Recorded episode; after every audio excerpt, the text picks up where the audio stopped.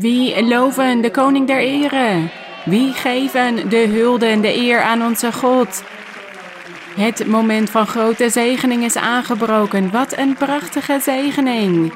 Mogen God deze plek overspoelen met zijn geest. Welkom, zuster Marie-Louise. Een hele goede avond, mijn broeders. Mogen God jullie zegenen. Mogen God jullie zegenen. Wij danken onze Heer, want Hij heeft ons toegestaan om hier samen te zijn, om zijn geloofsleer te leren.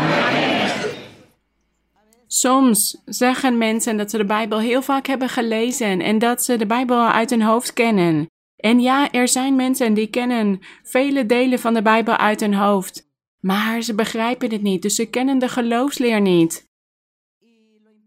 Want het is niet alleen belangrijk om de Bijbel vaak te lezen, maar ook om te begrijpen wat God van ons wil, hoe wij ons leven moeten leiden.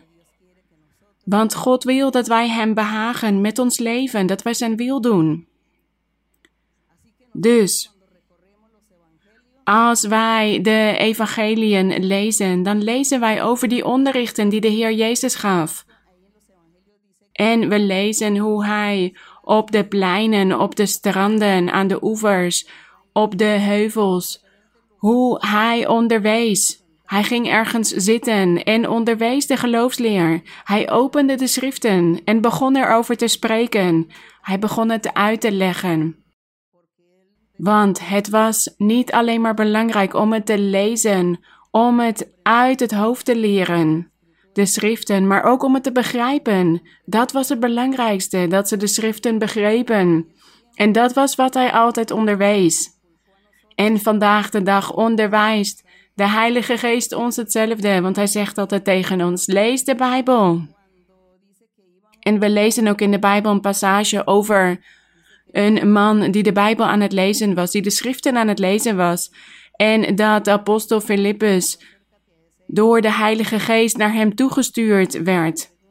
En hij vroeg die man: Begrijp je wel wat je leest? En hij was een passage uit het boek van de profeet Jesaja aan het lezen. En hij zei, hoe kan ik het nu begrijpen als er niemand is die mij de weg wijst, die mij onderwijst? En toen begon dus de apostel Filippus hem de geloofsleer uit te leggen. Hij begon hem te onderwijzen over wat dat paragraaf in het boek Jesaja betekende. En zo is het vandaag de dag ook. De apostelen doen ook dit werk. En wij hebben de schriften, wij hebben het woord van God. En wij lezen de Bijbel. En wij leren vaak vele dingen uit ons hoofd, maar we moeten bovenal de betekenis kennen. Wij moeten deze ware weg kennen. En wij zijn hier dankzij het voorrecht dat God ons heeft gegeven, want wij zijn bevoorrecht dat God naar ons omgekeken heeft.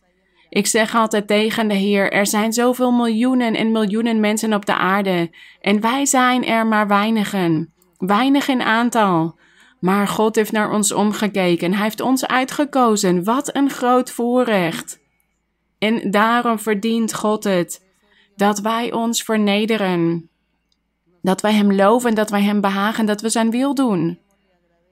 Dat we geloofsleer kennen, dat we de Bijbel lezen en tegen God zeggen: Openbaar mij uw geloofsleer, onderwijs mij. Want de Heer heeft gezegd dat Hij vele leraars en leraressen zou aanstellen in zijn kerk. Vele evangelisten en apostelen, maar wij moeten allemaal zelf ook de Bijbel lezen en we kunnen het allemaal zelf ook begrijpen. Dat is zo mooi. Kunt allemaal plaatsnemen, broeders. En laten we de Bijbel openen in Psalm 65. Wij gaan verder met het analyseren van de psalmen. Want in de psalmen vinden we vele geestelijke rijkdommen, veel geloofsleer. En wij vinden hier ook de manier hoe wij ons voor God horen te gedragen. Psalm 65. Maar laten we eerst al onze broeders groeten. Iedereen die ons op de video zal zien. Van over de hele wereld. Een groet voor jullie allemaal. We houden van jullie. In de Here. En de eer en de glorie zij altijd aan onze God. Dus Psalm 65. Laten we lezen. Hier staat in het woord van de Heere, de lofzang komt u toe, o God, in Sion. Aan u zal de gelofte nagekomen worden. In de psalmen wordt er altijd onderwezen over Sion. Sion is de kerk van de Heer Jezus Christus. Het nieuwe Jeruzalem. Het hemelse Jeruzalem. De kerk van de Heer Jezus Christus. En hier staat dus dat in dit Sion of in dit Jeruzalem, dat er altijd een lofzang zal zijn voor onze God. Dat de lofzangen voor God zijn. En dit kunnen liederen zijn, maar ook woorden. Want wij kunnen God ook loven met onze woorden, zonder te zingen. Dan zeggen wij prachtige woorden tot onze God. En wij bewonderen het werk van God. En daar spreken wij over en over zijn wonderen. En op die manier loven wij God ook met onze woorden. Wij zeggen, Heer, uw barmhartigheid is tot in eeuwigheid. Uw beloften zijn waarachtig en getrouw. Uw liefde is eeuwig. U bent die grote God, rechtvaardige God, barmhartige God, genadevol. U bent de koning der koningen en de Heere der heren. En tot u moet elk mens komen, elk vlees komen, om u te loven, want de eer komt u toe. Groot is uw naam. Al deze woorden, dit zijn woorden van lofuiting tot onze God. En we kunnen dit dus ook tegen God zeggen zonder het te zingen. Maar we kunnen ook dit op een melodie zetten en dan hebben we een lofzang voor onze God. Wanneer wij koeren en lofliederen zingen, dan zijn we ook God aan het loven. Hoewel er ook lofliederen zijn met andere boodschappen, bijvoorbeeld met een uitnodiging voor de mensen om de weg van God te komen volgen. En een ander loflied kan wellicht gaan over een uitnodiging, zodat we allemaal één zijn in de Heer en Hem samen loven met onze stem. Elk loflied of elk koor heeft een bericht, een boodschap. Maar God weet dat dit allemaal voor Hem is. Dat wij dit uiten voor Hem. En onze God is dan ook aandachtig. Hij luistert dan naar ons, naar wat wij doen, naar wat wij zingen.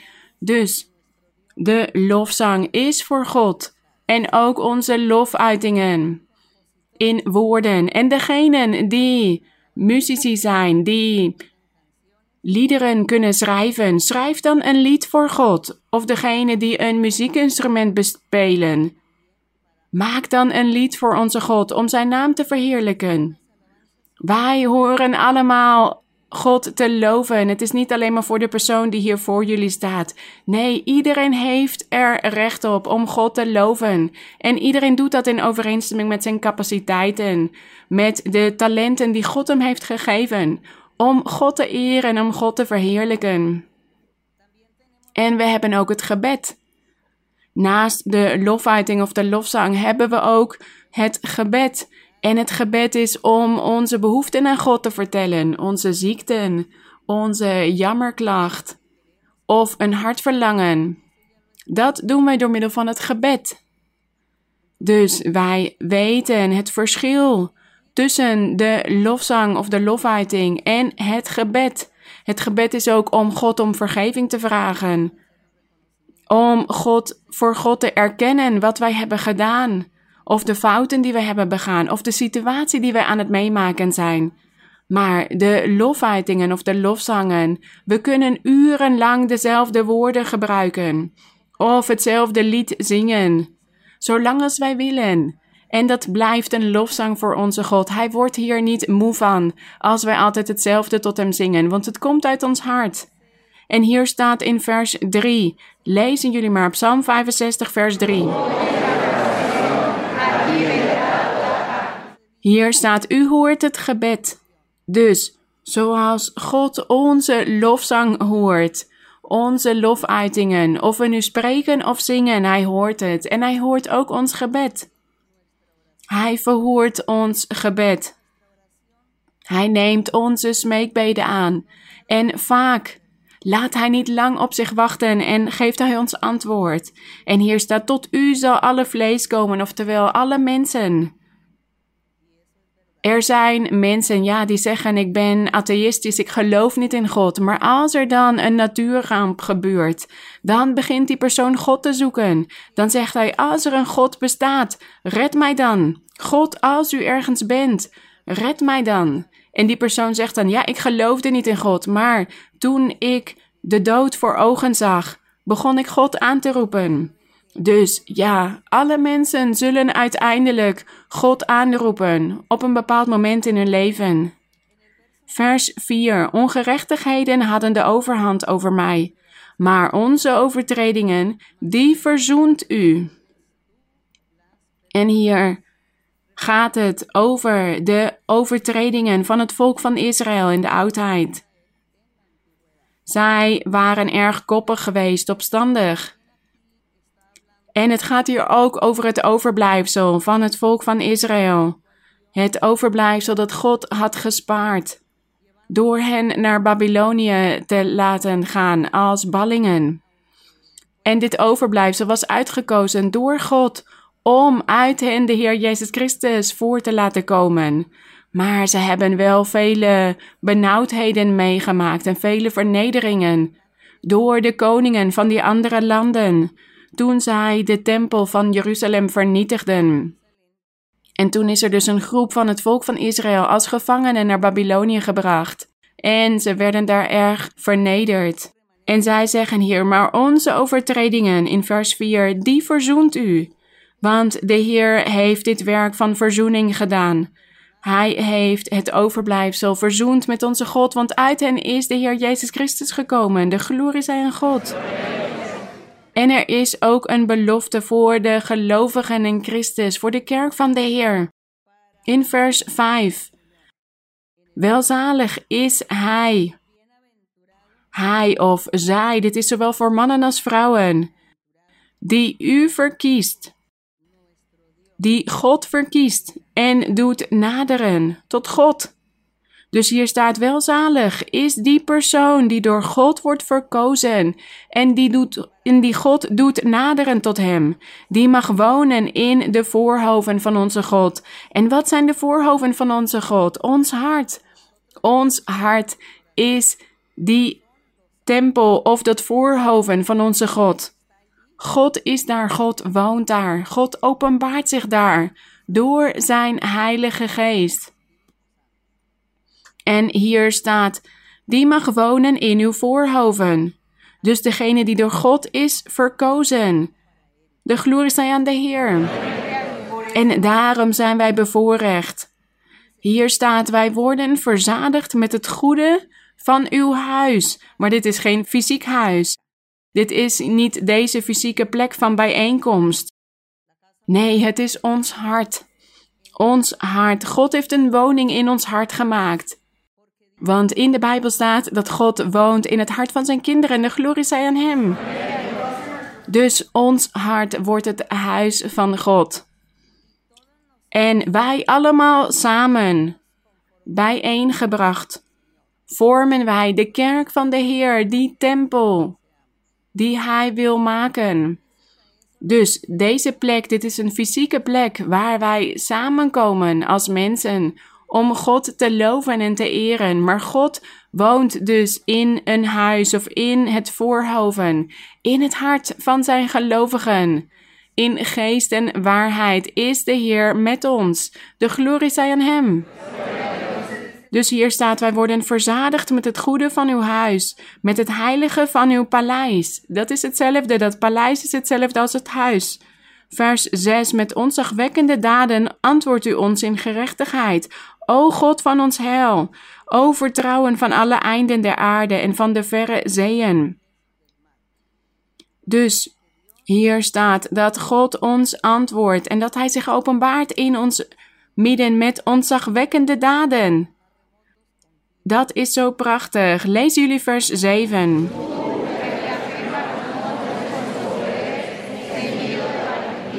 Dus hier staat dat God krachtig is. En dat Hij barmhartig en rechtvaardig is. Hij heeft veel macht. Hij doet de bergen vaststaan door zijn kracht en hij is omgord met macht, die het bruisen van de zeeën stilt, het bruisen van hun golven en het rumoer van de volken. Ja, God is het die alles doet. God is het die toestaat dat er aardbevingen zijn, een tsunami of een orkaan, dat de zee woest wordt, wild. God staat dit toe. En ook dat er oorlogen zijn tussen de volken, dat er verdeeldheid is, tweestrijd. God staat dit allemaal toe om de mensheid te waarschuwen, om ze te vermanen en zodat men wakker wordt en aan God gaat denken, zodat men God gaat aanroepen. God maakt zich bekend. God laat zich zien in de wereld, in de mensheid, door middel van de natuur. Op welke manier dan ook, God is zich altijd aan het openbaren aan de mens. En mensen kijken hier soms niet naar en geven hier geen belang aan, maar daarom lijden ze hier ook onder. Ze lijden onder de gevolgen van dit gedrag. En hier staat vers 9: Daarom vrezen de bewoners van de einden der aarde voor uw tekenen. Waar de morgen gloort en de avond daalt, doet u juichen. Alles wordt door God gegeven. Wij zeggen soms: wat een mooie zonsondergang. Of wat een mooie zonsopgang. Of wat mooi hoe die vogels aan het zingen zijn. Of kijk naar de bloemen in de lente. Of kijk naar de bomen in de herfst, hoe mooi zij worden. Dit zeggen wij, maar soms vergeten wij dat God dit allemaal doet. God doet al deze prachtige dingen, zodat wij ons vermaken, zodat onze ogen ons vermaken. Maar dit zijn dus allemaal wonderen van onze God. Alles doet God, alles staat Hij toe. Vers 10, lezen jullie.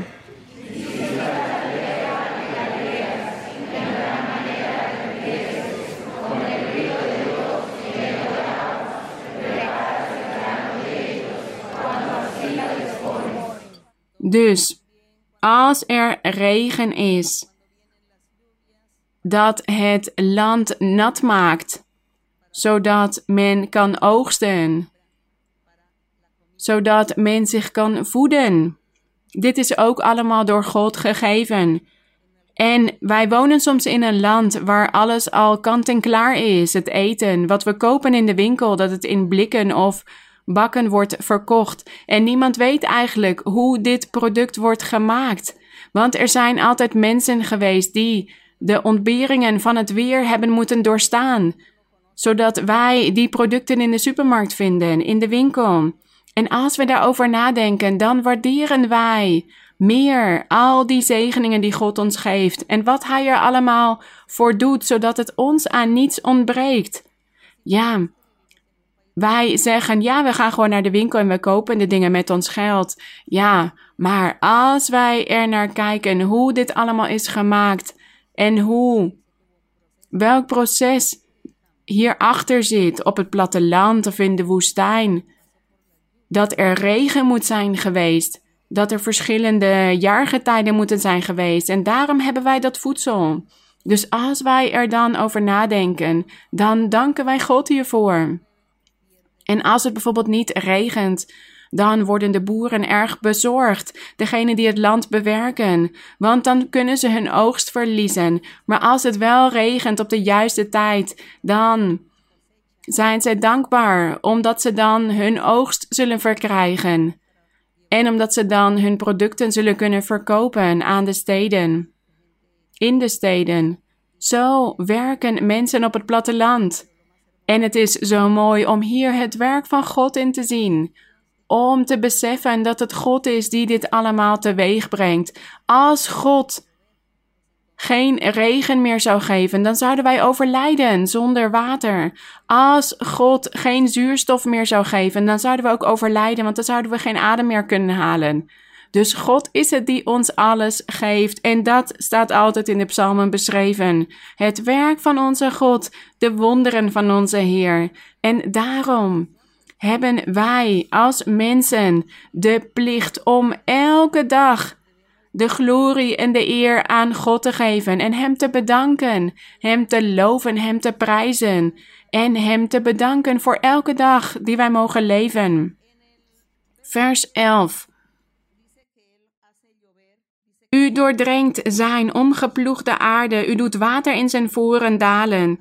U doorweekt het met regendruppels, u zegent zijn gewas. En in vers 12, u kroont het jaar van uw goedheid. Uw voetstappen druipen van overvloed. Lezen jullie vers 13.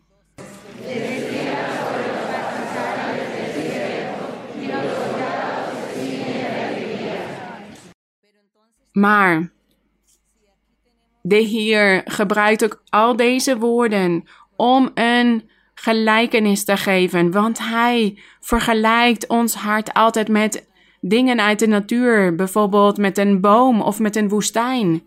Als er een mens is dat God kent, die de weg van God heeft gevonden, dan zegt God: Je bent een vruchtbare boom. Je bent een boom die veel vruchten voortbrengt, of je bent een bron van water. En er komt altijd water uit jou. Op een symbolische manier. Of dat iemand als een schaap is die altijd groen gras heeft, groene weiden om te eten, dat het hem aan niet zal ontbreken. Zo kan ons hart ook zijn. Dat kan God tegen ons zeggen. Hij vergelijkt ons met de natuur, met dingen uit de natuur. En als er iemand is die God niet kent en niks van God heeft, dan kan God tegen hem zeggen: Je bent als een woestijn. Je hart is als een woestijn. In een woestijn is er geen groen, is er geen water, er is bijna geen leven. Zo is je hart. Zo vergelijkt God ons met dingen uit de natuur. Zo, daarom wil God dat wij begrijpen wat een natuur is, wat een berg is, wat een rivier is, wat een schaap is, wat een vruchtbare boom is en wat een boom is zonder vruchten. Dat we al die dingen kennen, zodat wanneer God ons met die dingen vergelijkt, dat wij begrijpen wat Hij tegen ons zegt. En wij zeggen dan bijvoorbeeld: Ja, mijn geestelijk leven is in een deprimerende staat, want God zegt tegen mij dat ik een woestijn ben. Maar als God tegen mij zegt dat ik een vruchtbare boom ben of een bron van water, dan weet ik dat Hij zich behaagt over wat ik aan het doen ben en dat ik door moet gaan met Hem loven en Hem om meer van Hem moet vragen. Dus op die manier kunnen wij ook de boodschappen, de berichten van onze God begrijpen, die gelijkenissen die de Heer doet van de natuur met de mens. En hij heeft het dan over ons geestelijk leven. Vers 14. De velden zijn bekleed met kudden, de dalen zijn bedekt met koren, dus er is overvloed. Zij juichen, ook zingen zij. Kijk, God zegt hier dat zelfs de natuur tot God zingt. Dus des te meer de mens. Wanneer de mens dit allemaal op een geestelijke manier in zich heeft, deze overvloed, dan is die persoon vervuld met de geest van God, met de kracht van God. Dan heeft die persoon geestelijke gaven en vele vruchten. Dan is hij goed werk aan het verrichten voor onze Heer.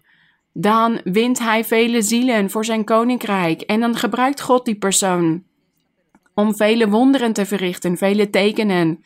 En dan spreken wij dus over een persoon op zo'n symbolische manier dat zij overvloed hebben van water, van koren, van kudden. Want die persoon heeft zich ondergeschikt aan de wet, aan de wil van onze God. En wij geven daarom de glorie en de eer aan onze God en wij brengen Hem hulde. Want wij willen die velden zijn bekleed met kudden en die dalen bedekt met koren. Wij willen overvloed hebben in ons geestelijk leven, in ons hart. En wij willen juichen en zingen voor onze God. En wij willen de Heer verheerlijken. En omdat we de aanwezigheid van de Heilige Geest in ons leven hebben, zal Hij ons helpen. zodat we gelukkig kunnen zijn en kunnen juichen en kunnen zingen. En dat wij ook die blijdschap en die vreugde aan onze God kunnen uiten. En dat wanneer wij samenkomen als kerk, dat wij dan willen dansen voor onze God, zingen voor onze God, maar dat is wanneer de geest van God over ons komt. Net als koning David overkwam toen hij de ark had gered uit de handen van de Filistijnen. Want de Filistijnen hadden de ark van God meegenomen. Maar toen koning David hem weer terug had, was hij zo gelukkig, zo verblijd dat hij op straat begon te dansen voor God. Want de Heilige Geest was over hem gekomen. Hij was vaardig over hem geworden. En zo was hij God aan het loven en God aan het bedanken. Voor die weldaad die hij had ontvangen, want hij had de ark van de Heer mogen redden. Omdat die heidense volken de ark van God hadden. En daarom zong hij in de geest en hij danste in de geest. En zijn vrouw keek naar hem met minachting, want zij vond het belachelijk dat, zij dat, als, dat hij dat als koning deed, publiekelijk op straat. Maar dit was omdat de Heilige Geest over hem vaardig was geworden. Die was over hem gekomen en daarom was hij aan het juichen en aan het dansen. En hij was zo vrolijk om God te verheerlijken. En wij maken vandaag de dag ook deze geestelijke ervaringen mee. En wij horen getuigenissen van grote dingen die God doet in het leven van de broeders. En soms komt de Heilige Geest dan over ons en geeft ons zoveel vreugde en blijdschap als wij zo'n getuigenis horen, dat wij wel zouden willen springen en juichen en schreeuwen van blijdschap. Dat is wat de Geest van God met ons doet. En dat is wat wij God horen te geven. Tot Hem zingen met blijdschap en vreugde en gejubel. En altijd Zijn aangezicht zoeken en Zijn naam zegenen. De glorie en de eer zij aan onze God. En dit was de lezing van Psalm 65. En ik ga jullie nu de kans geven om jullie vragen te stellen. Goed, laten we met de vragen beginnen. En zo gaan we ook onze God vereren. Want wij voeden ons hiermee met deze antwoorden. Wij groeien in ons geestelijk leven. Dit is opbouwend voor ons geestelijk leven. De vragen en de antwoorden. Goed, laten we hier dus mee beginnen. En zo zeggen wij tegen de Heer dat wij veel van Hem houden en dat we van Zijn wegen willen leren om Zijn wil te kunnen doen. De glorie is aan de Heer. Goedenavond, zuster. Welkom hier in de kerk van Weston. Wij groeten u. En ik weet dat degenen die ons ook op de video zullen zien ook net zo gelukkig zullen zijn dat u vandaag deze Bijbelstudie geeft. En mijn vraag gaat over Handelingen, hoofdstuk 10. Hier gaat het over Petrus en Cornelius. En dit hoofdstuk is lang, dus ik ga maar twee versen lezen. Vers 1, Handelingen, hoofdstuk 10, vers 1 en vers 44. In vers 1 staat: En er was een man in Caesarea, van wie de naam Cornelius was. Een hoofdman over honderd van de afdeling die de Italiaanse genoemd werd. En hij had een geestelijke ervaring en hij zag een man in blinkende kleding, die tegen hem zei dat hij de apostel Petrus moest laten halen. En in vers 44 staat: Terwijl Petrus deze woorden nog sprak, viel de Heilige Geest op allen die het woord hoorden. Zuster Marie-Louisa, was Cornelius en zijn familie, degenen die hier aanwezig waren, waren zij de eerste heidenen die de doop met de Heilige Geest ontvingen? Goed, we gaan niet zeggen dat zij de eerste zijn geweest. Maar de Bijbel vertelt ons deze geschiedenis over wat apostel Petrus was overkomen. Hij was aan het evangeliseren en hij maakte deze ervaring mee. Deze ervaring dat de heidenen ook de doop met de Heilige Geest ontvingen. Maar de Bijbel vertelt ons niet of er wellicht andere heidenen waren geweest die het eerst hadden ontvangen. Maar wat hier belangrijk van is, is de ervaring. Of ze nou de eerste zijn, waren geweest of niet. God liet hiermee zien dat wat hij tegen Abraham had gezegd, dat hij dat aan het vervullen was. Want hij had tegen Abraham gezegd dat hij vader zou zijn van vele volken. Hij zei: Tel de sterren, zo zal je nageslacht zijn. Zijn nageslacht zou uit mensen bestaan van vele verschillende volken. En Abraham zou vader van die vele volken zijn. En hij had het over de kerk van de Heer Jezus Christus. Want het volk van Israël was maar één specifiek volk geweest. één land. Maar de Heer zei tegen de apostelen: Ga heen over heel de wereld en verkondig het evangelie aan alle schepsels. Dus kijk niet naar nationaliteit of taal of land. Verkondig het evangelie aan iedereen en doop iedereen. Dus deze ervaring die de apostel Petrus had meegemaakt. Hier zagen we hoe die beloften van God aan Abraham in vervulling werden gebracht. Want deze Cornelius was een heidense man. Hij hoorde niet bij het Joodse volk. Maar hij heeft ook de Heilige Geest ontvangen, de doop met de Heilige Geest. Dus zo zagen de apostelen dat God ook de Heilige Geest aan andere volken aan het geven was. Dus het maakte niet meer uit wat de nationaliteit van de persoon was, maar waar ze in geloofden. Dat was die belofte aan Abraham.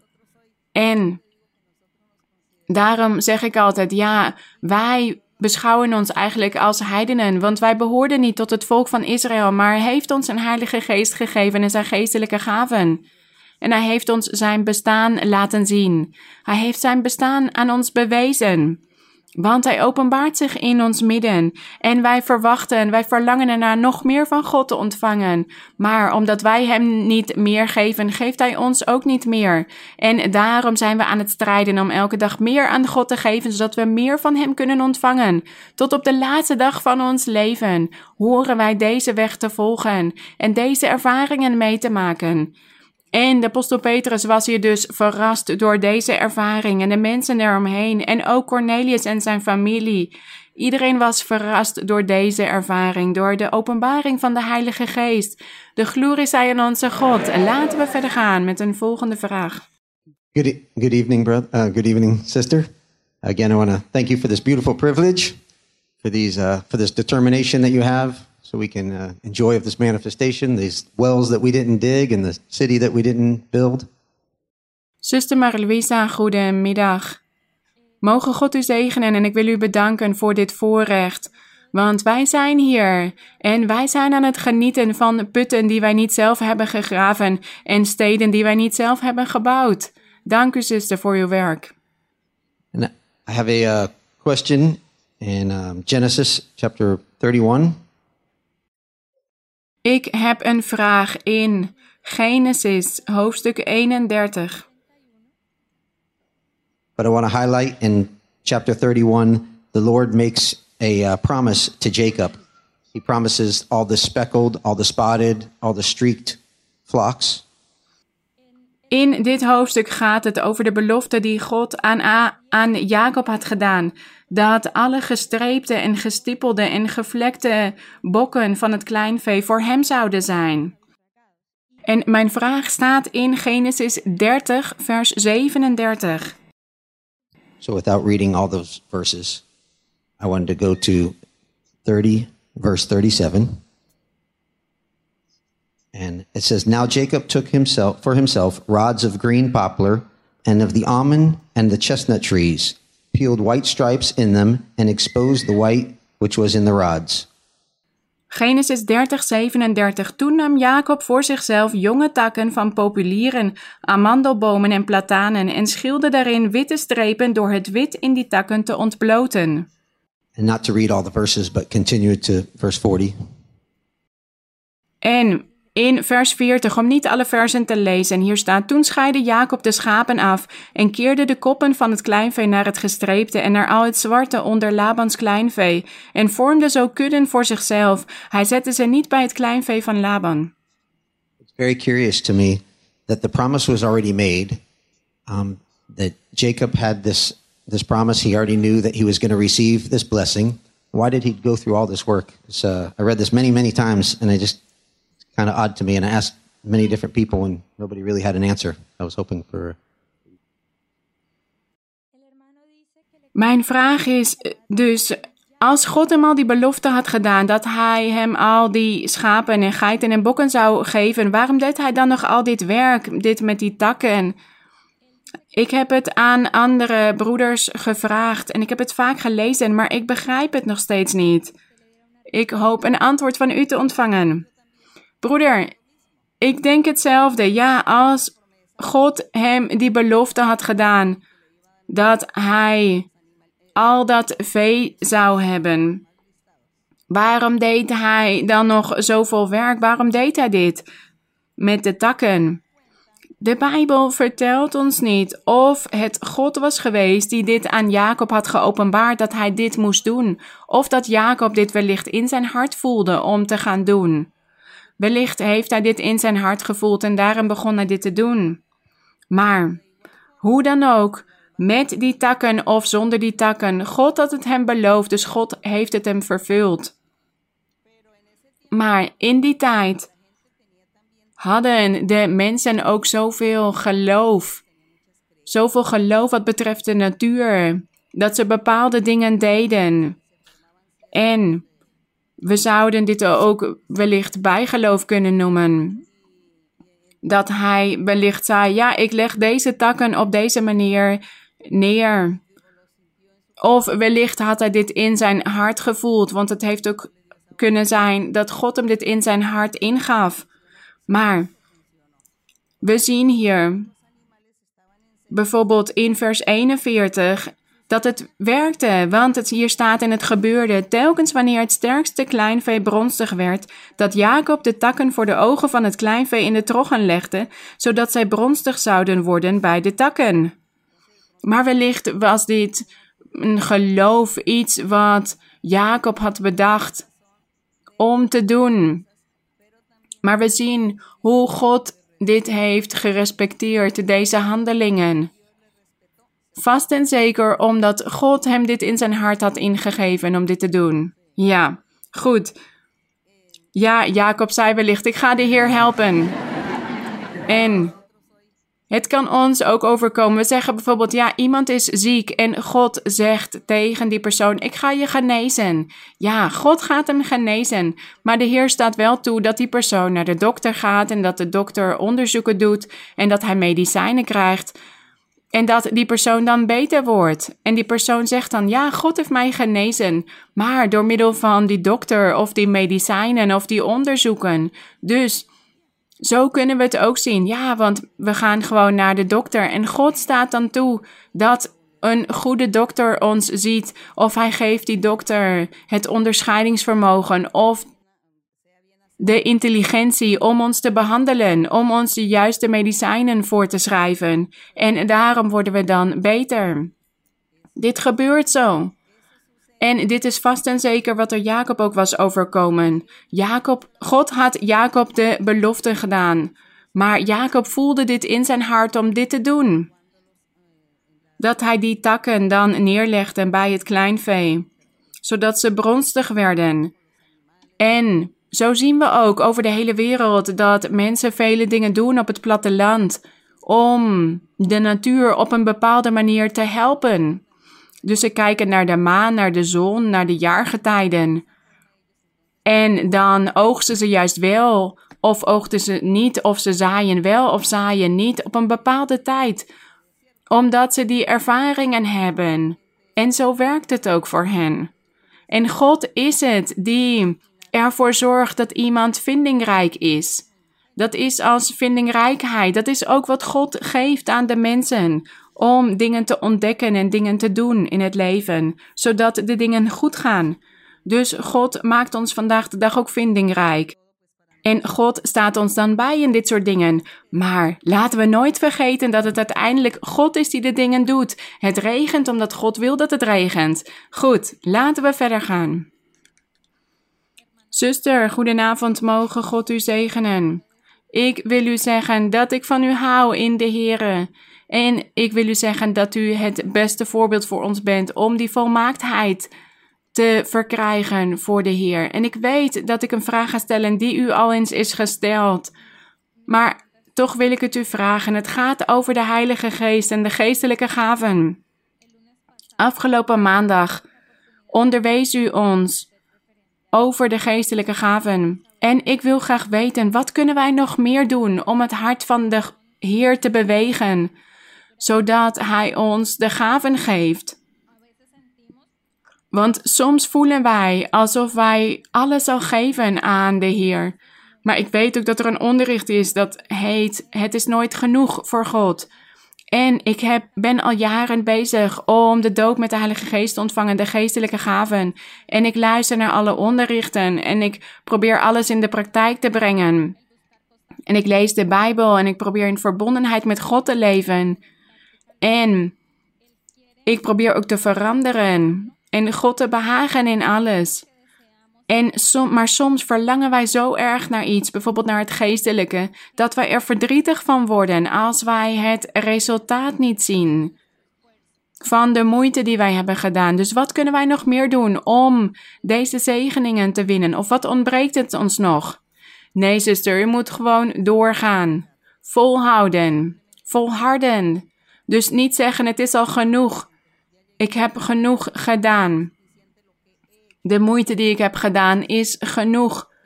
De moeite om God te blijven volgen. Nee, we moeten altijd doorgaan. Elke dag van ons leven moet een zoektocht naar God zijn.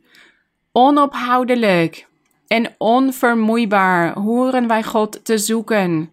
En de volmaaktheid. Dus we moeten volharden. We kunnen niet zeggen dat wij het doel al hebben bereikt of dat we al genoeg hebben gedaan. Dit is een proces en wij zijn aan het leven. En wij zijn aan het wandelen op deze weg naar het geestelijke land van Canaan. En wanneer zullen we het einde van deze weg bereiken? De dag van ons overlijden. Dan pas kunnen we zeggen: ik heb het doel bereikt of niet. Dat is het einde van de weg. Dus zolang wij in leven zijn, moeten wij blijven doorgaan, volharden, en tot God blijven bidden, God blijven zoeken. Hopen op God. Vertrouwen op God. En steeds meer van Hem leren om Hem te kunnen behagen en Zijn wil te kunnen doen. En wij hopen erop dat op een bepaald moment God ons de geestelijke gaven geeft. Of dat Hij zich openbaart aan ons op een bepaalde manier, dat Hij ons begint te gebruiken. Dat is waar wij op hopen. Dat is onze hoop in ons leven. Dus we moeten gewoon doorgaan. Goed, een andere vraag. Een Добрый вечер, братья и сестры. Будьте здоровы. Отдельное спасибо сестре Марии Люзе. Zuster Marie-Louisa, goedenavond. God zegen u. Wij komen uit Moskou. А сегодня я хочу...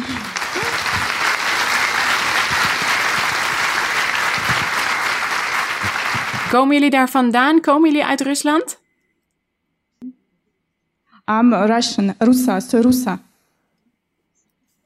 Ja, wij komen oorspronkelijk uit Rusland. Ja, wij zijn Russisch. Moeder en dochter. Wat een blijdschap, wat een vreugde. Wij danken onze Heer hiervoor. Wij danken onze Heer, want Hij houdt van alle wezens. Hij kijkt naar het hart van iedereen, waar iedereen ook maar vandaan komt. God kijkt naar het hart. Dit geeft mij veel blijdschap dat jullie dat voorrecht ook hebben ontvangen van onze God. Dat God ook naar jullie heeft omgekeken. Goed. А Сегодня я хотела бы засвидетельствовать, как Бог изменил мою жизнь а, с того момента, как я стала ходить в эту церковь. Ik wil getuigen, als u dat toestaat, zuster, wat de Heer heeft gedaan in mijn leven. А, Первый раз я пришла в церковь полтора года назад, и а, на первом пророчестве Бог сказал мне, что посредством мной а, Он приведет много людей, и в частности всю мою семью. De Heer heeft mij vele beloften gedaan toen ik deze kerk voor de eerste keer heb leren kennen, anderhalf jaar geleden. En de Heer zei tegen mij in profetie dat Hij ook Israëlieten en mensen van andere nationaliteiten naar zijn kerk zou brengen. En zo heeft Hij dit vervuld.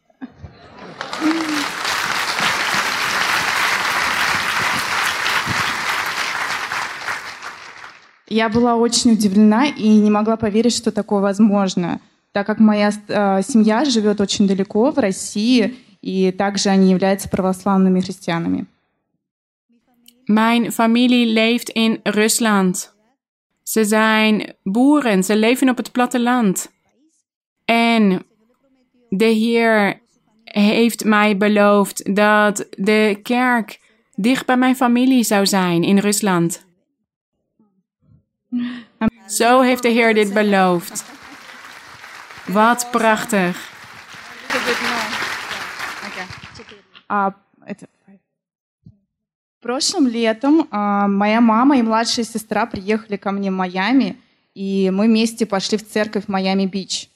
А, с того момента мы ходили на протяжении всех, в- всего отдыха в эту церковь, и сейчас я хотела бы передать слово моей маме. Afgelopen zomer was mijn moeder ook hier in Miami Beach en heeft ze ook de kerk leren kennen samen met mijn jongste zus. En God heeft hen allebei vele grote beloften gedaan. En nu gaat de moeder ook getuigen en zuster Marie-Louise groeten. Добрый вечер, братья и сестры. Будьте здоровы. Мария и Луиза, огромное вам спасибо за то, что вы делаете. Goedenavond, broeders en zuster Marie-Louise. Mogen God jullie allemaal zegenen. Ik ben gisteravond aangekomen uit Moskou en ik ben hier naartoe gerend om zuster Marie-Louise in persoon te leren kennen.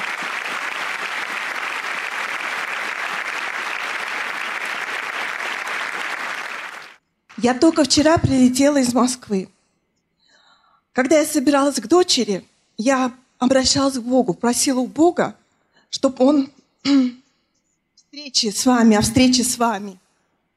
Dit is vandaag mijn eerste dag hier in Miami en ik kan u nu persoonlijk leren kennen. Dus ik ben erg gelukkig en ik dank God voor dit moment. God heeft mijn leven in vele aspecten veranderd.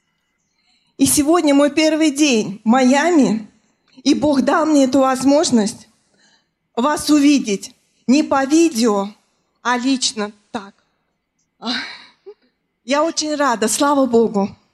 Ik ben erg gelukkig en ik geef de glorie en de eer aan onze God dat ik hier nu voor u sta. Ik ben zo verheugd en wij wachten ook op u in Moskou.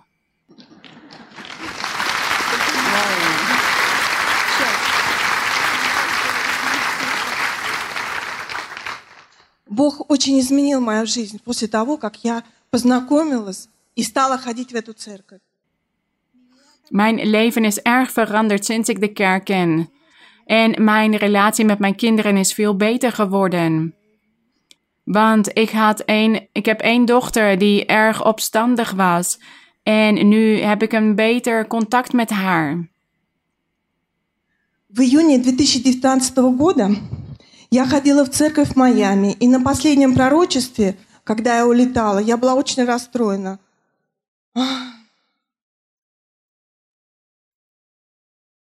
En daarnaast ben ik ook erg verheugd omdat een maand geleden een van mijn dochters, die ook een tijd in de Verenigde Staten heeft gewoond, ook de kerk heeft leren kennen.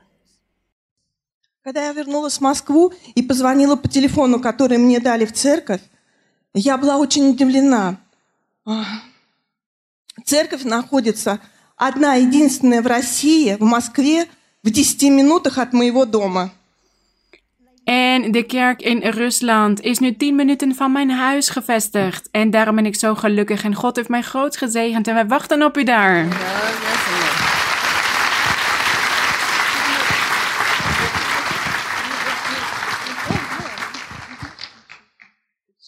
У моей мамы а, сердце больное, у нее были две операции на сердце. И она плохо себя чувствовала. Но Бог изменил ее, она стала, стала хорошо себя чувствовать. Гораздо лучше, слава Богу. De Heer heeft ook mijn moeder genezen. Want zij was ziek in haar hart. En de Heer heeft haar genezen en zij heeft ook de kerk leren kennen. En daarom geef ik de glorie en de eer aan onze God. Gloria a Dios. Да, это самое, про фотографии. En tot slot, Мария и Луиза, мы приглашаем вас в Москву, если будет такая возможность. Если вам интересно, есть фотографии из церкви из Москвы. zuster Marie-Louisa, ik heb hier foto's bij me van de bijeenkomst in Rusland van afgelopen zaterdag. De prediker van uit Duitsland was bij ons op bezoek en hier zijn de foto's ervan. Dank u, zuster, dank u. Bueno, Goed, wij danken onze God. Wij danken onze Heer, want Hij had gezegd dat Hij zijn kerk over heel de wereld zou laten opstaan. Hij zei, uit deze kleine schaapskooi zal ik een hele grote kerk vormen, over de hele wereld. De glorie zijn onze God. Zo is God elke dag weer zijn beloften aan het vervullen. Prachtige beloften en daar danken wij Hem voor. Dus hoe kunnen wij nog twijfelen aan Zijn bestaan? Hoe kunnen wij er nog aan twijfelen of Hij het wel is die tot ons spreekt of niet? Of Hij naar ons omkijkt of niet? Nee, we kunnen hier niet meer aan twijfelen. De glorie en de eer zijn aan onze God. Laten we verder gaan. En aan de zusters en aan de gemeente in Rusland een groet vol genegenheid. Voor jullie allemaal, van de broeders hier in Weston. Wij houden van jullie. En ja, laten we binnenkort bij jullie op bezoek gaan. Waarom niet? Broeder, ga uw gang. Goedenavond, zuster. Mogen God u zegenen. Mijn hart is vol blijdschap, omdat ik hier voor u sta. Ik wil u graag een vraag stellen, zuster. En het gaat over de Bijbel.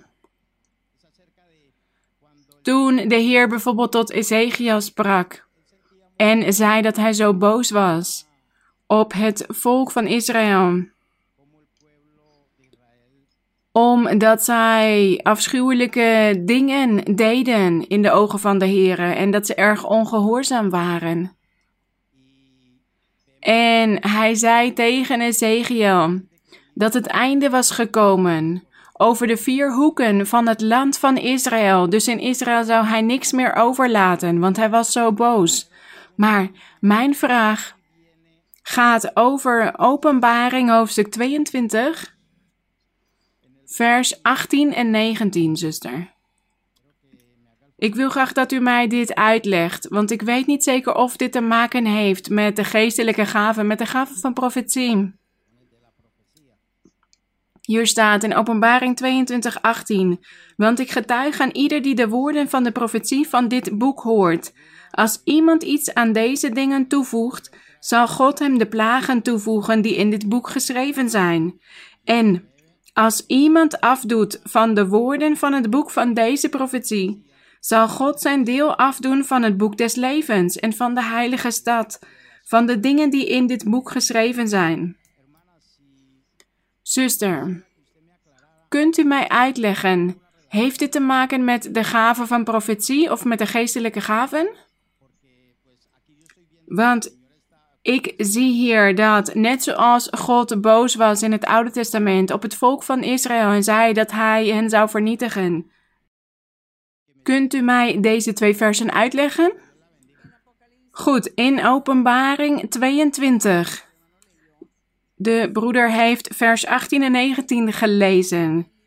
En dit zijn bijna de laatste versen van dit boek van het getuigenis van Johannes. Van alles wat God aan Johannes had laten zien. Wat er zou gebeuren in de wereld, in de toekomst.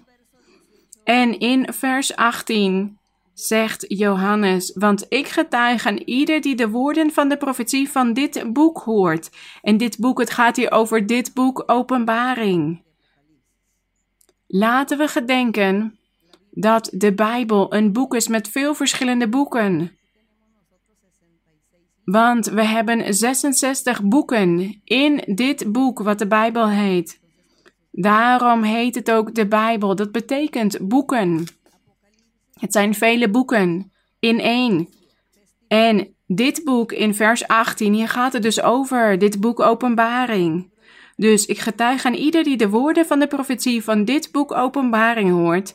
Als iemand iets aan deze dingen toevoegt, zal God hem de plagen toevoegen die in het boek Openbaring geschreven zijn.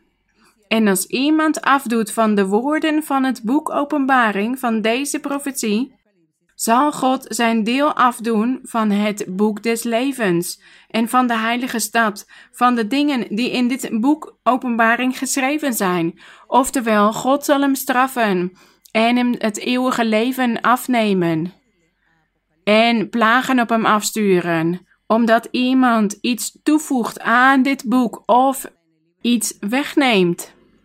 Woorden hieruit weghaalt. God straft de personen die dit doen. Dat is waar het hier over gaat, deze versen. Goed, dus het gaat niet in het algemeen over de gave van profetie en ook niet over de Bijbel in het algemeen, maar over dit boek Openbaring, dat het gerespecteerd moet worden en zo moet blijven, zoals Johannes dit geschreven heeft. Laten we verder gaan. Zuster Marie-Louisa, God zegen u. Welkom hier in Weston. Ik heb vele vragen voor u, maar vandaag wil ik u graag één vraag stellen. In Jacobus 1, vers 13. Wij spreken vaak over straf, verzoeking en beproeving, over deze drie woorden. En in Jacobus 1, vers 13 staat. Mag ik lezen? Ja, broeder. Laat niemand zeggen als hij verzocht wordt, ik word door God verzocht.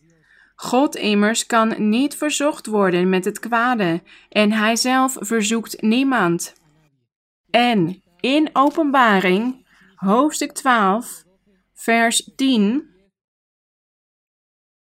Hier staat het volgende: En ik hoorde een luide stem in de hemel zeggen: Nu is gekomen de zaligheid, de kracht en het koninkrijk van onze God en de macht van zijn Christus. Want de aanklager van onze broeders, die hen dag en nacht aanklaagde voor onze God, is neergeworpen. Zuster, mijn vraag is: als God ons niet verzoekt en de vijand ons niet aanklaagt, gebruiken we dan verkeerd deze woorden verkeerd, straf, verzoeking en beproeving? Hier staat in Jacobus dat God het kwade niet doet dat het kwade niet van God komt, maar hij staat wel de duivel toe om dat kwade te doen. Dus God zelf doet het slechte niet. Het kwaad, hij doet niemand kwaad, maar de duivel doet dit en God staat het hem toe. Want hier staat dus dat God niemand kwaad doet, maar dat de persoon wordt verzocht door de duivel, door de vijand en ook door zijn eigen begeerte, door zijn eigen vlees, omdat die persoon ervan houdt om het onjuiste te doen, om zonden te begaan. En daarom zet de duivel hem aan om zonde te doen. En wat was uw vraag over de beproeving? Ja, in Jacobus gaat het ook over beproeving over verzoeking en beproeving. In vers 12 gaat het over beproeving. Want hier staat, vers 12: Zalig is de man die verzoeking verdraagt, want als hij beproefd gebleken is, zal hij de kroon van het leven ontvangen. Ja, broeder, hier staat: Zalig is de man die verzoeking verdraagt. Oftewel, zalig is de mens, het is niet alleen maar voor mannen, ook voor vrouwen, die, wanneer zij verzocht worden, dat ze niet in de val trappen. Dat is dat hij de verzoeking verdraagt, dat hij of zij de verzoeking verdraagt. Oftewel, hij valt niet in de zonde. Hij trapt niet in de val van de duivel.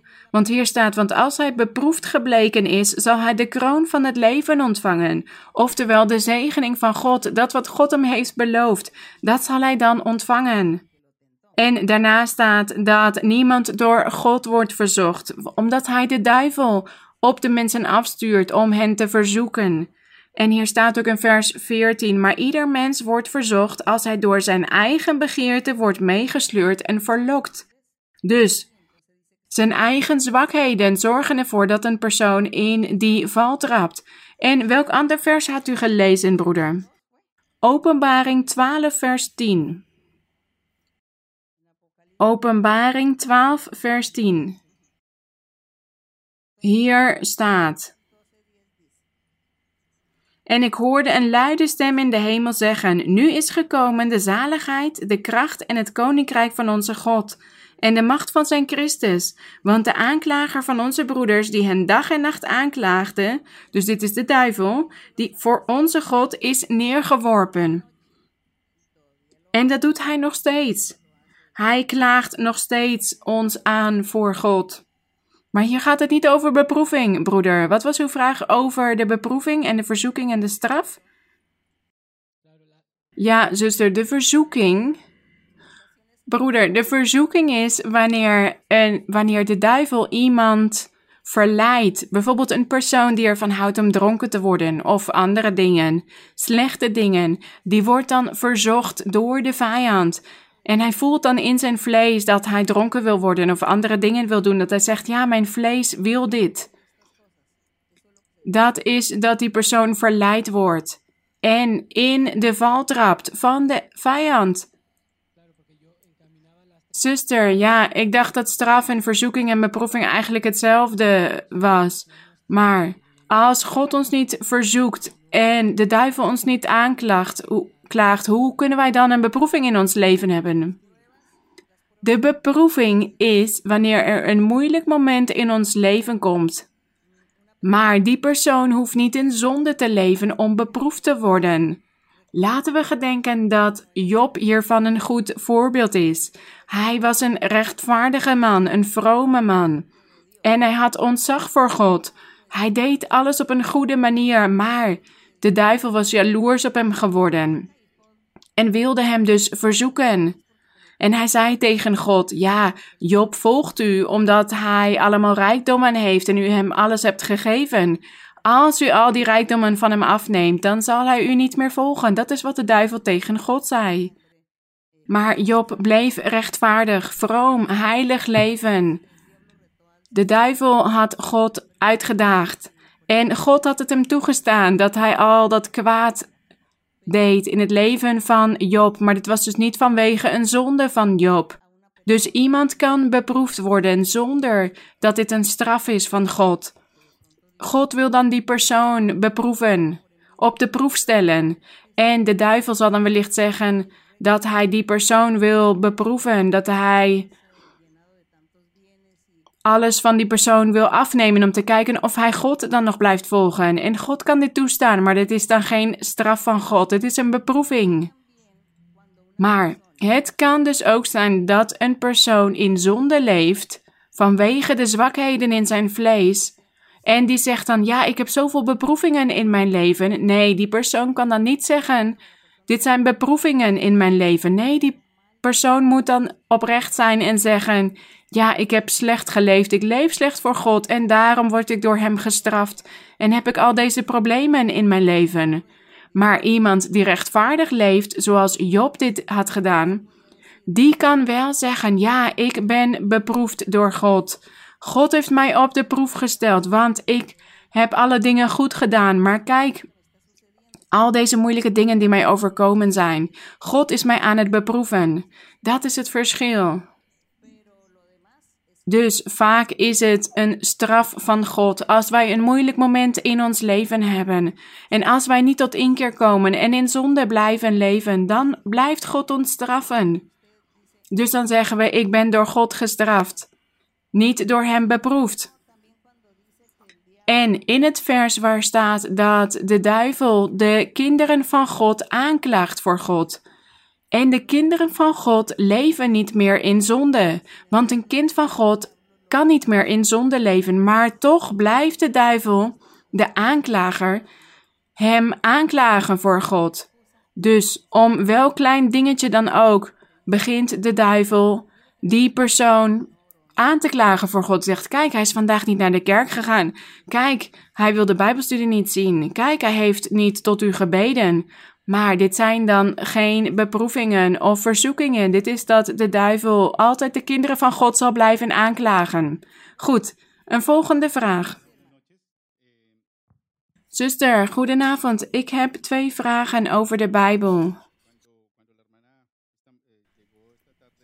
U had het eerder vandaag over Filippus, dat hij de kamerheer aan het onderwijzen was. In Handelingen hoofdstuk 8, vers 35, hier staat: En Filippus deed zijn mond open en uitgaande van dat schriftwoord verkondigde hij hem Jezus. En terwijl zij onderweg waren, kwamen ze bij een water. En de kamerheer zei: Kijk, daar is water. Wat verhindert mij gedoopt te worden? En Filippus zei: Als u met heel uw hart gelooft, is het geoorloofd. En hij antwoordde en zei: Ik geloof dat Jezus Christus de Zoon van God is. En hij liet de wagen stilhouden en zij daalden beiden af in het water, zowel Filippus als de kamerheer, en hij doopte hem. Zuster, mijn vraag is: deze kamerheer werd gelijk gedoopt toen hij geloofde. Waarom wachten wij in de kerk een jaar voordat wij gedoopt kunnen worden in water? Goed, ja, het kan wel eerder zijn, maar vandaag de dag zijn de dingen wat moeilijker, om dat zomaar te zeggen. In die tijd was het evangelische werk net begonnen en de apostelen gingen de straten op en liepen over op straat door de dorpen en steden en ze begonnen het evangelie te verkondigen en degene die gedoopt wilde worden, die werd dan meteen gedoopt. Maar vandaag de dag zijn het zoveel mensen en zijn er zoveel mensen die nieuw naar de kerk komen. En als dan iedereen gelijk gedoopt wil worden, ja, dit kost veel werk. In die tijd was het wellicht makkelijk, want ja, ze waren onderweg en ze kwamen bij een water. Er was wellicht een put, een waterput. Maar wij hebben hier niet overal een waterput waar dan iemand gedoopt kan worden. Hier moeten we een heel evenement organiseren om mensen te laten dopen. Dus het hangt af van waar wij wonen, waar wij leven. En op die manier organiseren wij alle dingen. En doen wij bijvoorbeeld deze doop in water één keer in de zoveel tijd zodat er meerdere mensen tegelijk gedoopt kunnen worden en dat we niet een evenement voor één persoon hoeven te organiseren. Dat is het, het is praktisch. Zuster, en mijn andere vraag staat in Ezekiel, hoofdstuk 24, vers 16. Ja, broeder. Zuster, ik wil graag begrijpen waarom de Heer dit zo deed met Ezekiel. Want hij zei hier tegen Ezekiel: Mensenkind, zie, ik ga haar die de lust van uw ogen is door een plotselinge slag van u wegnemen. Dat was zijn vrouw. Toch mag u geen rouw bedrijven, u mag niet huilen en geen traan laten, maar het was zijn eigen vrouw. Dus ik begrijp niet goed hoe God hem dit kon vragen. Ja, we zeggen arme Ezekiel, arme Ezekiel, want het was zijn eigen vrouw. Hij hield veel van haar. Maar God wilde een boodschap sturen naar het volk van Israël naar Jeruzalem, naar de koningen. Een subliminale boodschap. Door middel van de belevenissen van Ezekiel zelf.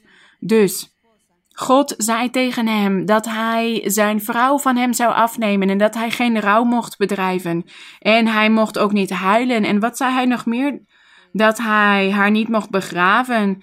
Dat hij het voedsel dat ze die dag maken voor een begrafenis dat hij dat ook niet mocht eten. En hij mocht ook geen klaagliederen aanheffen, want in die tijd hieven ze klaagliederen aan. Als er iemand overleed, dat deden ze dan op de begrafenis. En ze begonnen dan te zingen. Dit waren klaagliederen. Op de dag van de begrafenis. Dit was een gewoonte in Israël in die tijd. Maar God zei dus tegen Ezekiel dat hij al deze dingen niet mocht doen. En hij mocht ook niet van dat eten eten wat ze voor die dag zouden maken. En dat hij ook niet mocht huilen. Hij mocht geen traan laten.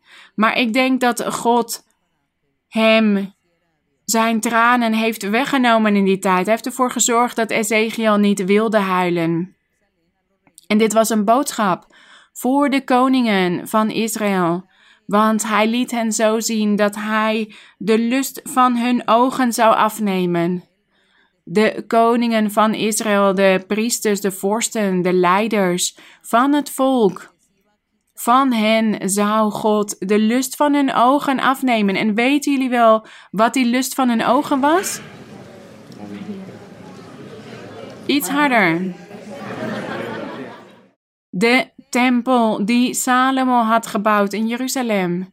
Die tempel zou vernietigd worden. En ook de stad. De stad zou verbrand worden. De stad zou opgaan in vuur. Dat was de lust van hun ogen, van de leiders van Israël. Van Jeruzalem, Jeruzalem, die prachtige stad, de stad van God. Jeruzalem, waar de heilige berg van God was, de stad van David. Dat zou allemaal vergaan. Er zou alleen een ruïne over zijn en ook de muren zouden vernietigd worden. Dat allemaal was de lust van de ogen van de koningen en ook van de leiders en van de inwoners van die stad en van het land. En de Heer zou het allemaal van hen afnemen, door middel van de koning van Babylonië en zijn legers. God zou hen op en afsturen om alles te vernietigen. Dat was dus de tempel van Salomo die vernietigd zou worden. En zo is het ook gebeurd. En alle rijkdommen in de tempel werden meegenomen naar Babylonië, naar de tempels van andere goden. En in de klaagliederen van Jeremia, dat nodig ik jullie ook uit om die te lezen in de Bijbel, de klaagliederen van Jeremia. Die gaan over hoe Jeruzalem was vernietigd, de tempel, de muur, hoe iedereen om haar rouwde, dat ze alleen gelaten was, ze was vernietigd. Dus de tempel en de stad, dat was de lust van de ogen van iedereen, want zelfs andere volken hadden gehoord over die God van Israël, dat hij krachtig was. En dat die tempel in Jeruzalem de allermooiste tempel was over de hele wereld. Dus de Joden voelden zich trots op Jeruzalem, op hun tempel. En dit was dus een subliminale boodschap van onze God door middel van Ezekiel. Hij zei tegen hem: Je vrouw gaat overlijden, maar huil niet om haar, net zoals het volk niet om mij zal mogen huilen. En het volk zal tegen je zeggen: Wat is Ezekiel overkomen? Wat is je overkomen? Je vrouw is overleden en je huilt niet eens. Dan zal je kunnen spreken, Ezekiel. Dat is wat God tegen hem zei. Dan zal jij tegen het volk zeggen: God heeft dit met mij gedaan en God zal dit ook met jullie doen. Want hij zal ook de lust van jullie ogen afnemen. De tempel en de stad, dat is het. Laten we verder gaan. Zuster Marie-Louisa, goedenavond. Mijn hart is vol vreugde. Dankzij dit voorrecht dat ik hier voor u mag staan. Wij danken u, zuster, voor uw liefde. Ik hou van u in de Heer. Ik wil graag een vraag stellen over Lucas 12, vers 53. Lucas 12, 53. Ja, zuster. Zij zullen tegen elkaar verdeeld zijn, vader tegen zoon en zoon tegen vader, moeder tegen dochter en dochter tegen moeder, schoonmoeder tegen haar schoondochter en schoondochter tegen haar schoonmoeder. Zuster Marie-Louisa, de Heer heeft mij bevrijd van hekserijen en toverspreuken die familieleden over mij hadden uitgesproken. En ik zie dat er nog broers zijn, broers en zussen, die ook in de kerk zijn, maar die spreken niet met elkaar. En mijn vraag is: Zuster, u zegt dat er broers en zussen zijn van dezelfde familie die, beide, die in de kerk samenkomen en niet met elkaar spreken omdat ze boos zijn? Dan zijn ze de tijd aan het verliezen. Ze moeten tot inkeer komen en zich met elkaar verzoenen, want we moeten houden van wie? Van onze naasten. We horen van onze naasten te houden, net als dat we van onszelf houden. Dus deze personen horen zich te verzoenen en weer met elkaar te spreken. Goed, zuster. Zuster, ja, ik wilde graag vragen over de familie, zodat we meer eensgezindheid en liefde in onze familie kunnen hebben en niet zoveel problemen. Want waarom is er zoveel verdeeldheid in de families?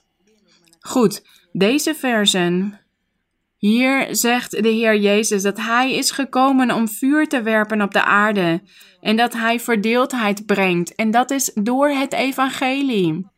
Want Hij kwam het evangelie verkondigen en van één familie zal niet iedereen geloven. Wellicht geloven twee familieleden of drie familieleden wel, maar de rest niet. Dat het is heel moeilijk dat er één familie is waarvan alle familieleden tegelijkertijd geloven. Dat gebeurt bijna niet. Ja, ik ken wel grote families die ondertussen allemaal samen in de kerk zijn, maar eerst zijn het een paar en dan andere en dan weer andere. Dus het gebeurt vaak dat er in het begin verdeeldheid ontstaat in de familie. Daarom zei de Heer dat hij was gekomen om vuur te werpen op de aarde, want niet iedereen zou gelijk in hem geloven.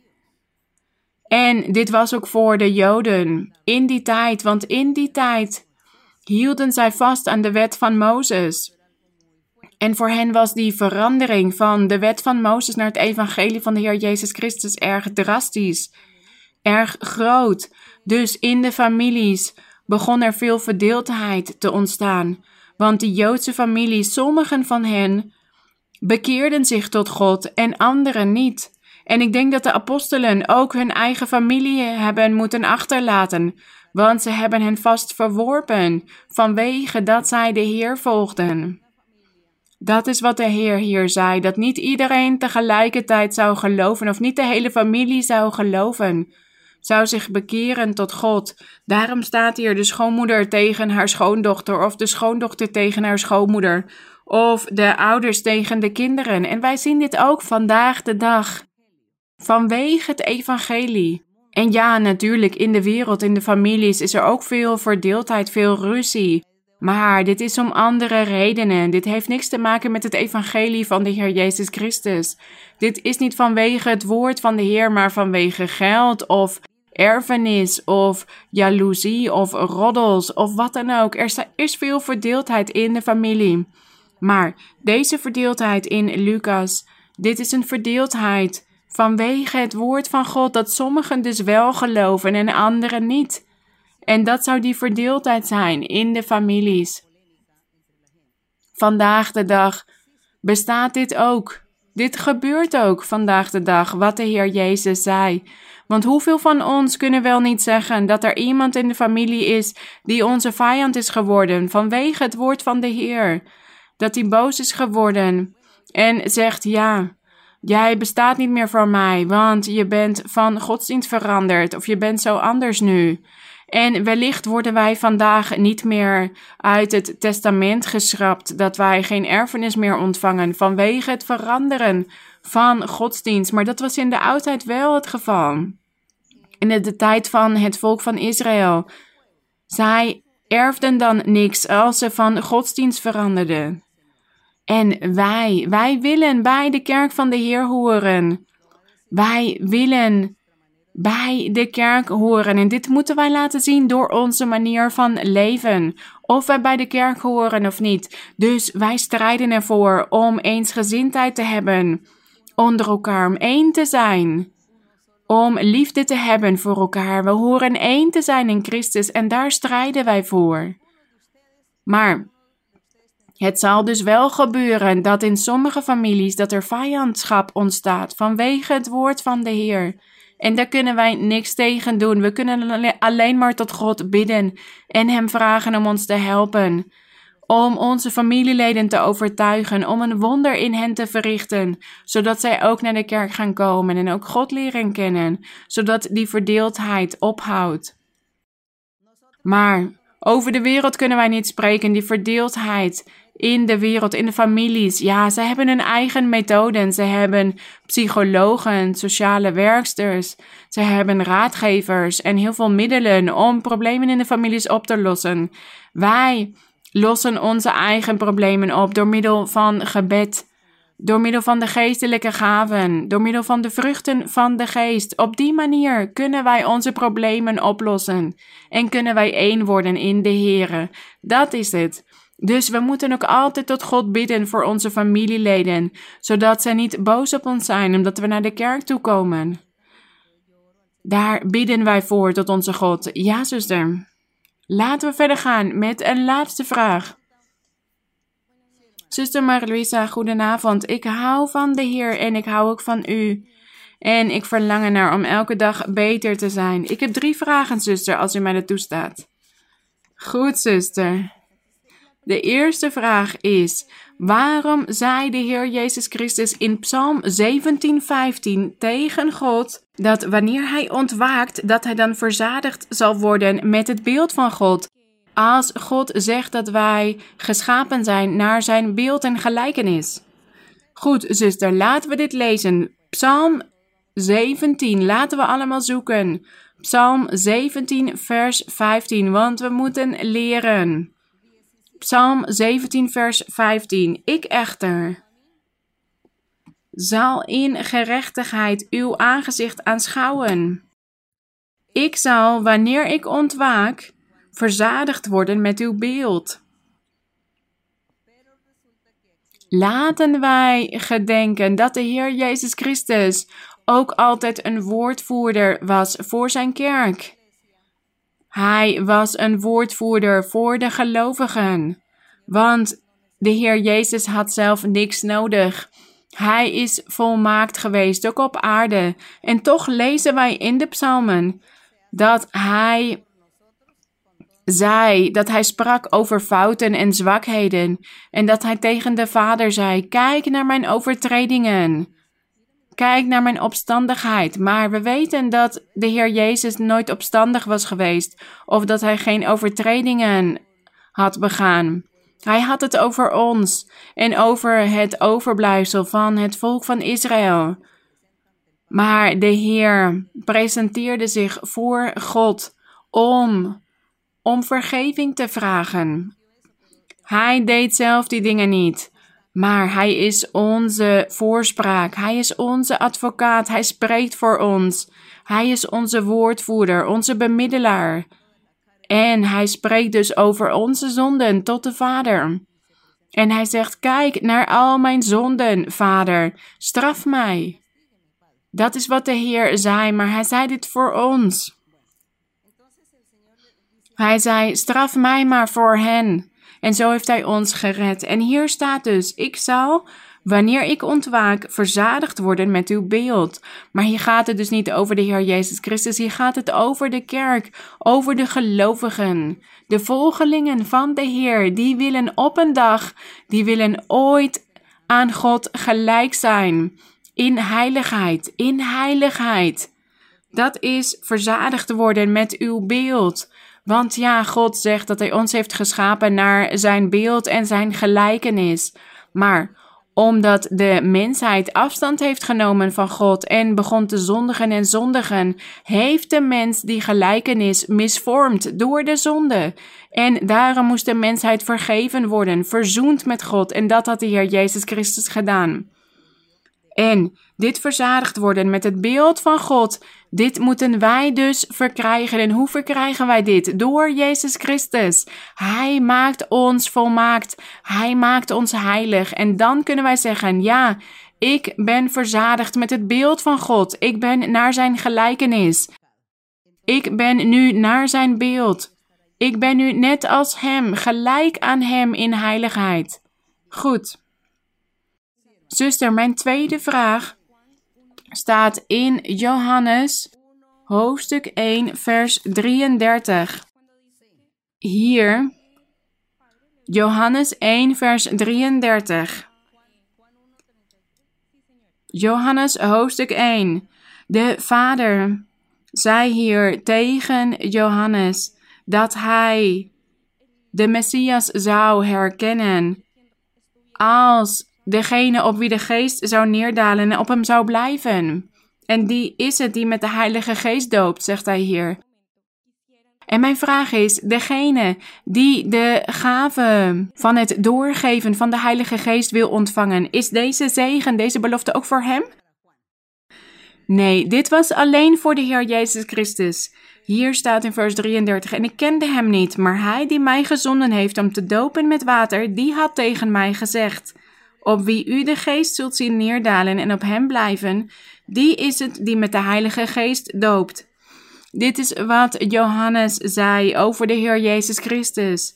Dat hij de Heer Jezus Christus zou herkennen, omdat de geest op hem zou neerdalen en op hem zou blijven. Dat hij het zou zijn die met de Heilige Geest zou dopen.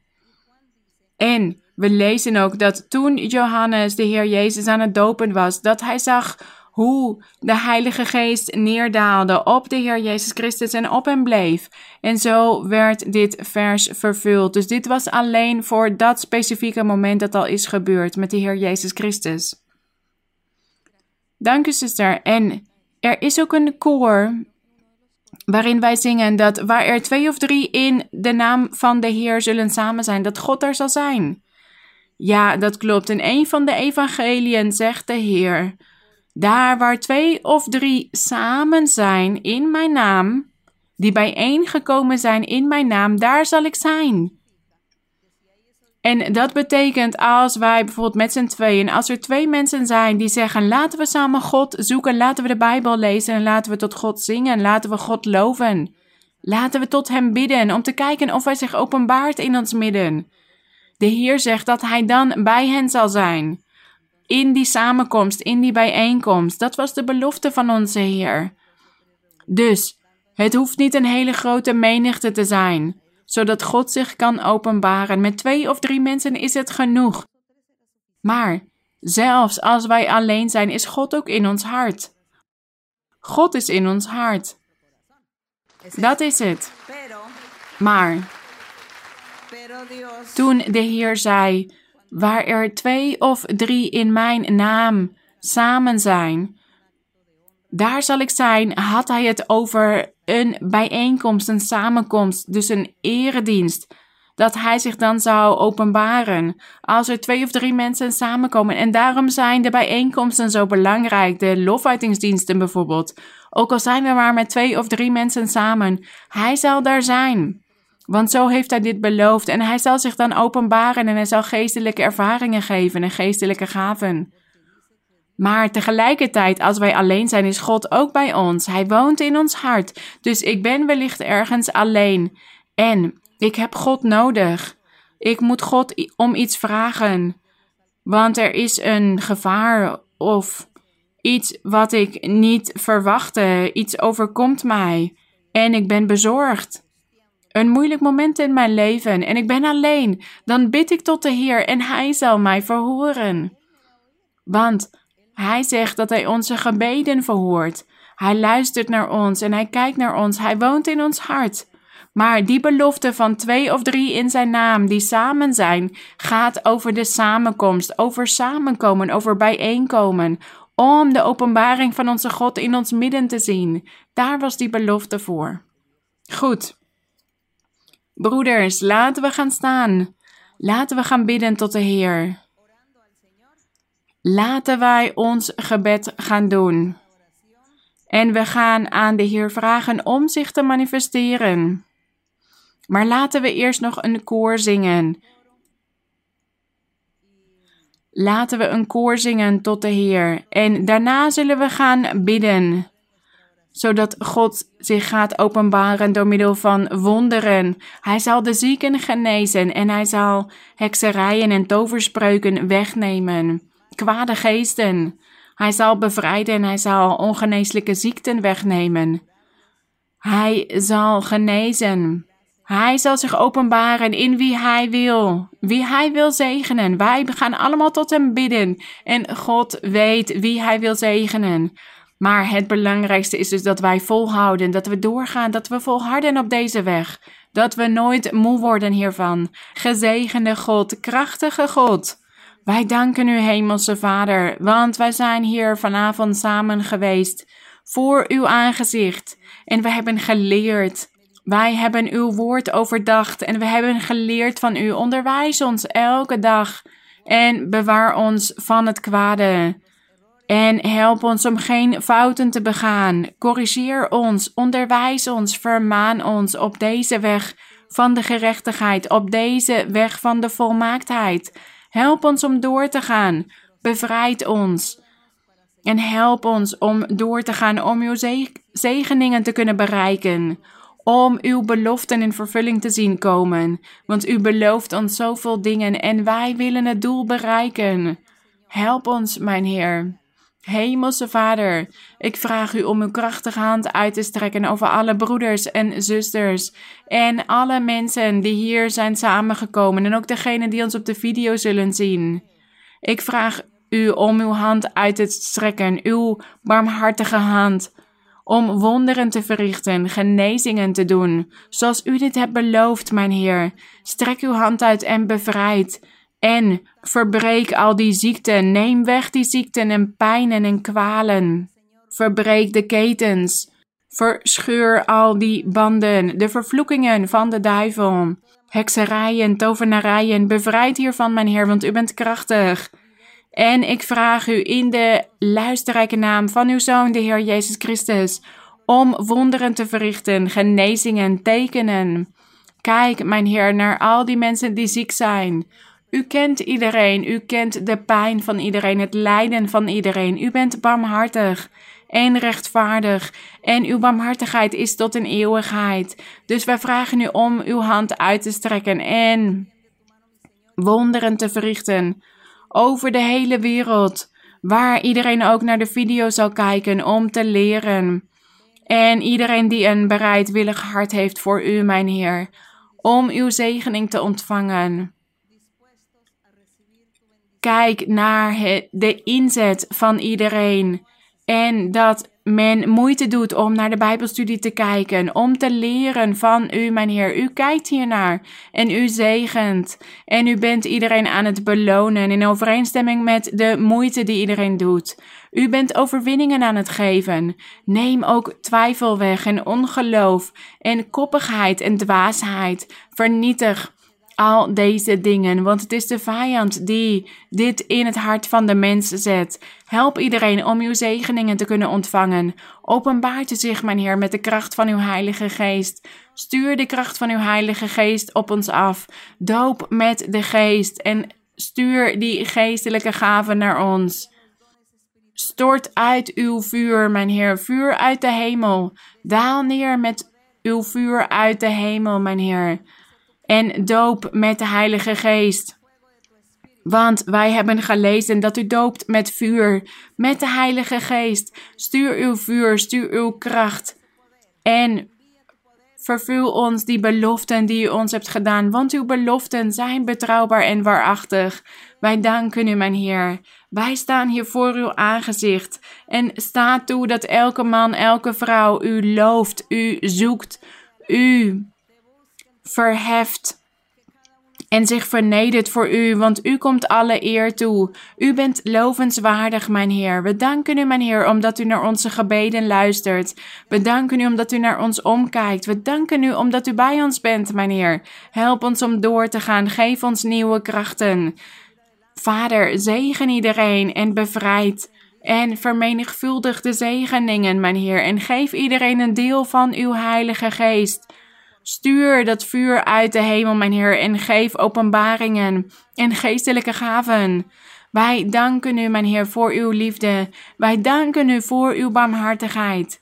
Wij danken u, mijn Heer, want u vermaakt zich in de lofuitingen van uw volk. U wordt er verblijd over, mijn Heer, wanneer uw kinderen u loven met heel hun hart. We danken u, mijn Heer, gezegend en geprezen zij uw naam. Wij horen u te loven en te prijzen. Wij danken u, mijn Heer, de glorie zij aan uw naam. Wij danken u, wij danken de Koning tot in alle eeuwigheid. Wij danken u, meneer. U bent almachtig. De glorie zij aan u, de eer zij aan u. U bent het die regeert tot in alle eeuwigheid. Halleluja. We danken u, mijn Heer. De eer en de glorie zij aan onze God. Dank jullie wel, broeders en zusters. Dank jullie wel. Mogen God jullie groot zegenen. Tot de volgende keer. Dank jullie wel. Mogen God jullie zegenen.